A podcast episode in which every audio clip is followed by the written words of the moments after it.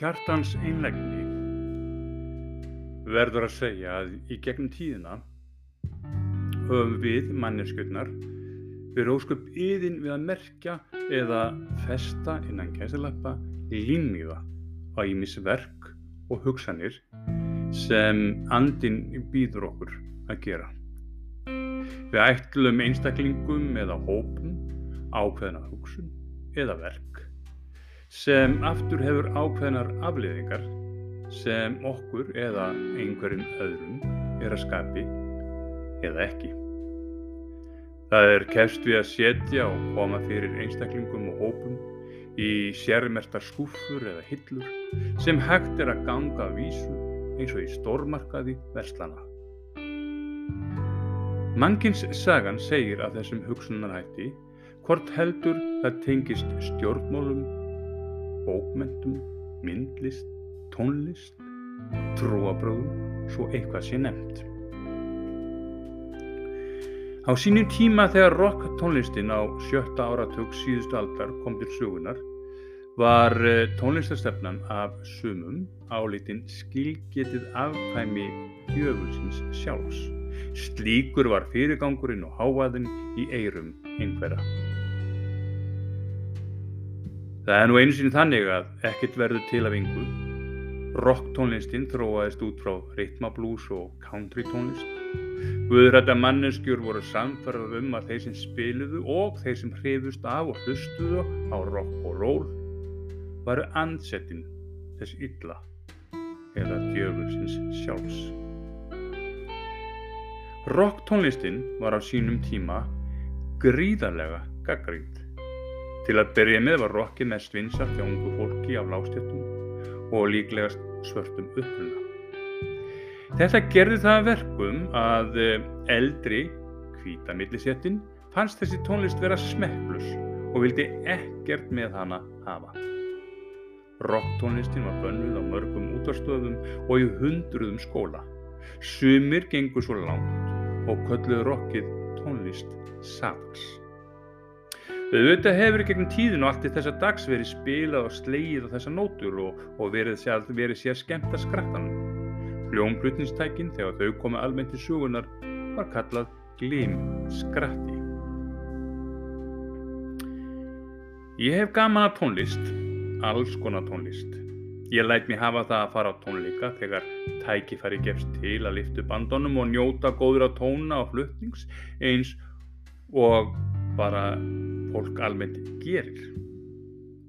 Ég á til heima að eh, blasta rockinu úr gleim skrattanum sem á er besta stað og sess í húsinu. Því ég deil ekki áhuganum á þungarokki með öðrum fjölskyldumæðlumum þar að segja einkonu minni. Auðvitað er það svo að tónlist almennt síkild eða dægur tónlist samtímas og eh, tjáningandans er margvísleg, ristið djúft og grund og allt þar á milli. Auðvitað er það líka einhverjir uh, með annarlegar hugsanir stökva á rockvagnin og gera það úr tónlistinni sem aðrir hafa ætta að hún sé, þar að segja skemmtiðum gamla í neðra. Í árdaga rocktónlistarinnar, eins og á við segir, trúði grandvorkvöld því að þau hlustuðu, þeir sem hlustuðu á eða spiluðu þá tegum tónlistar var hætta búin vegna þess að djöfullin var líklegur til að veiða sálina í manni við þá yðjum. Ég gerir ráð fyrir að nafnið Ronald James Patavona segi mikið í eiru flestur ykkar sem enna hlýðið. Ég bara er óttið þess hvernig ég eh, bar þetta nafn fram Mögulega kvikna ljós hjá einhverjum er ég segi gælunafnið Dio. Hann var bandarískur tónlistamæður í ítalskum ættum sem starfaði að meðal annars með hljómsveitunum Rainbow, Black Sabbath og óglemdri sveitsinni Dio. Að uh, margra áliti var hann álitin holdgerfingur þess að dyrka djöfulinn í verkum sínum. Því hann hafði hann síð, eða, jú, þetta er sett, hann kom þeim síð á tónleikum að, og flestum þeim ofinberðum myndum sem eru til á honum að vera með vísi og litla fingur lofti eins og um horn kölska væri að ræða. Hann gerði þessa kveðju fræga.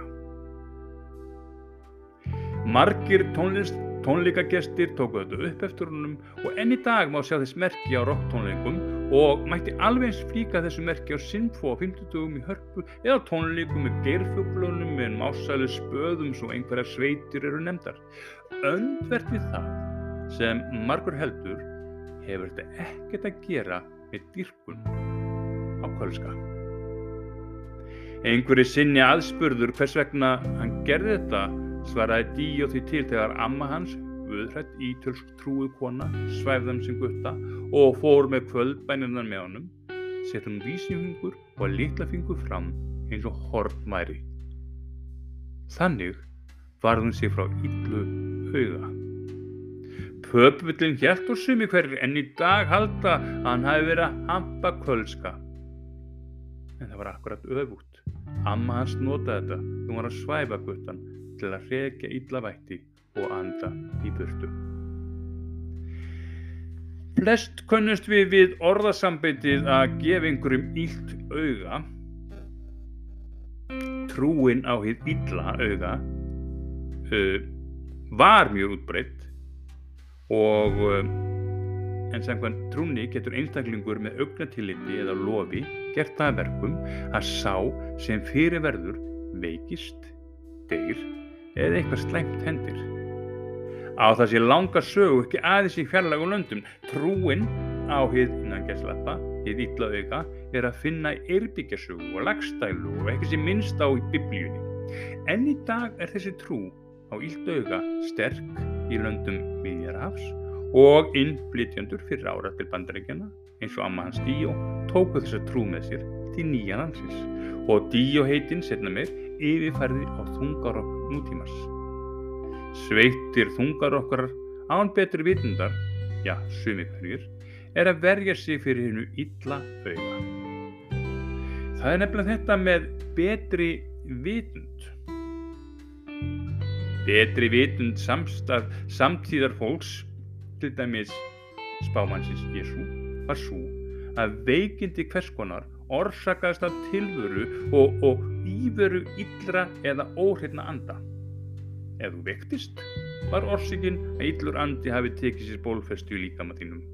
Og kann að vera að þegar við heyrum þetta og lesum að okkur að okkur sækir nettur hlátur eða við hristum hausin í vandlætingu yfir fávisku, hindur, vittna, fólks, fyrri, alda. Með öðrum orðum, í dag vitum við betur. Við erum nefnilega upplýst um orsök og afleiðingar gjörðu okkar eða það skildi maður halda. Ég tók mig til og uh, skoðaði námsskrá Læknadeildar Háskóla Íslands. Þar er ekki að finna eitthvað sem kallast mætti særingar handa. Særingar er heldur ekki að finna í námsskrá Guðfræðildar samt erum við í sífellu að fást við andan, slæman sem og góðan. Eitthvað sem við getum ekki þreyfa á en finnum fyrir. Okkur er tamt að tala um að hér eða þar sé slæmur nú eða góður andi. Það er slæmur andi eða góður andi á vinnustanum, skólastofinni, heimilinu, vina eða kunningahófnum. Þegar við leitum skýringa er fátt um svör. Þrátt fyrir að við erum upplýst eða kannski má frekar segja að margt það sem hér fyrir árum var álitið orsök og afleðing eins og sjúkdómar hvers konar sem herjuð á fólk er í dag baðað byrtu þekkingar og upplýsingar um orsök og afleðingar. Þau öksi vísindum og ekki síður mannsandanum sem leita stöðu við að nema ónumin lönd hugans það er að finna grösug sléttlendi sem og eigði hrjóstur melar, ár og djúb vötn og íklefjöld sem ekki er hindurinn á vegfur okkar í leita þekkingu og ekki síður sannleikanum. En talað um sannleika. Djöfullin hefur aldrei þekkt sannleikan því að honum finnst engin, í honum finnst engin sannleikur.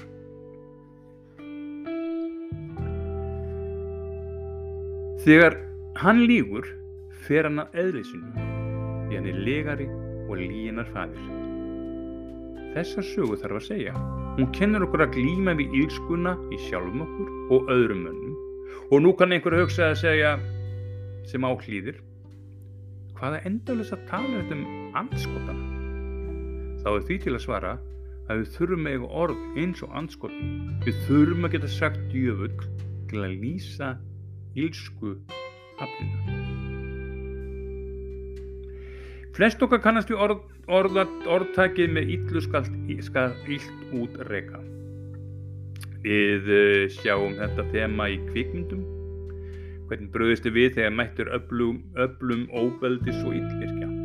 Þar reyndar ekki kvikmyndu til heldur gerst það í raunveruleika. Íslenska hljómsveitin Agent Fresco sem uh, spilar polyrhythmist uh, odd time rock með jazz ívafi Í einu lagi sveitarinnar, Sea Hell af eh, einni þeirra breyðskjöfu, er daðrar hljómsveitin við, eða söngvari hljómsveitarinnar við hemdina í eh, kjölfar líkamsárasar sem hann var fyrir. Í fáum orðum sagt kemst hann að þeirri nýðustöðu að enginn kemur heilt tilbaka frá óbeldi á hann að sakfella eða upphefja reyðina sem fylgdi í kjölfarið átt hann að kæra eða taka málinn í sína hendur. Fyrirgefa?